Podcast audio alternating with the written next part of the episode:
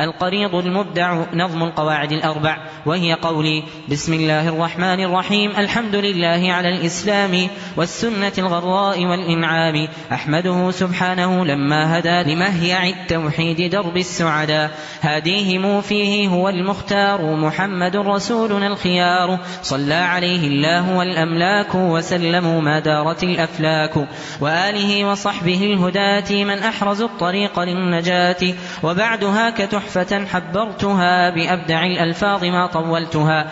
مرجزا ما حرر الإمام محمد أحيي به الإسلام في أصقع قد أنتنت بالشرك حتى غدت حرية بالترك. سما له لاح القريط المبدع في دره تجلى قواعد أربع ملتزما فيها اتباع الأصل رجاء نفعها بيوم الفصل. فصل وملة التوحيد نصا تنسب إلى الخليل جدنا وتعرب أن تلزم الإفراد بالتمجيد لله رب العرش والعبيد. فتعبد الإله بالإخلاص مستمسكا بعروة الخلاص. لأجل ذا إبراهيم بالحنيف ملقب مع تابع شريف. وقوله وما خلقت الجن الآية التعليل جاء منا مبينا للحكمة الشرعية من خلقنا والجعل للذرية. أن نعبد الرحمن بالخضوع وحبه والسر في المجموع. وكل عامل مع الإشراك فأمره رد وغير زاك. فمن بربنا العظيم يشرك مقبح وذنبه لا يترك. والحكم في القرآن أن الله لا يغفر الإشراك كن أواها. القاعدة الأولى إن الذين كان فيهم أحمدهم أيقنوا بالله ربا يوجد فعندهم ما غيره خلاق له الأمور وحده الرزاق.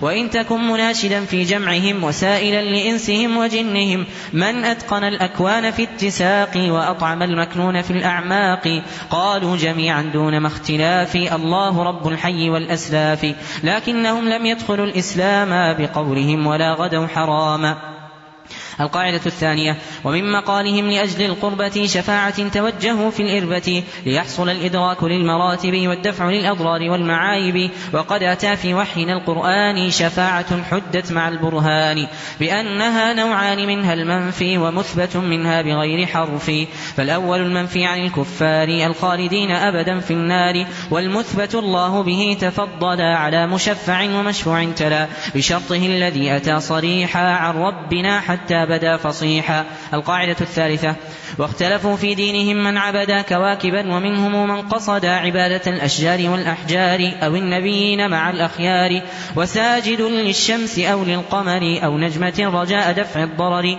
وغيرهم في زمرة الأنواك معظم للروح والأملاك. فلم يفرق بينهم نبينا وقاتل الأشرار لما بينا.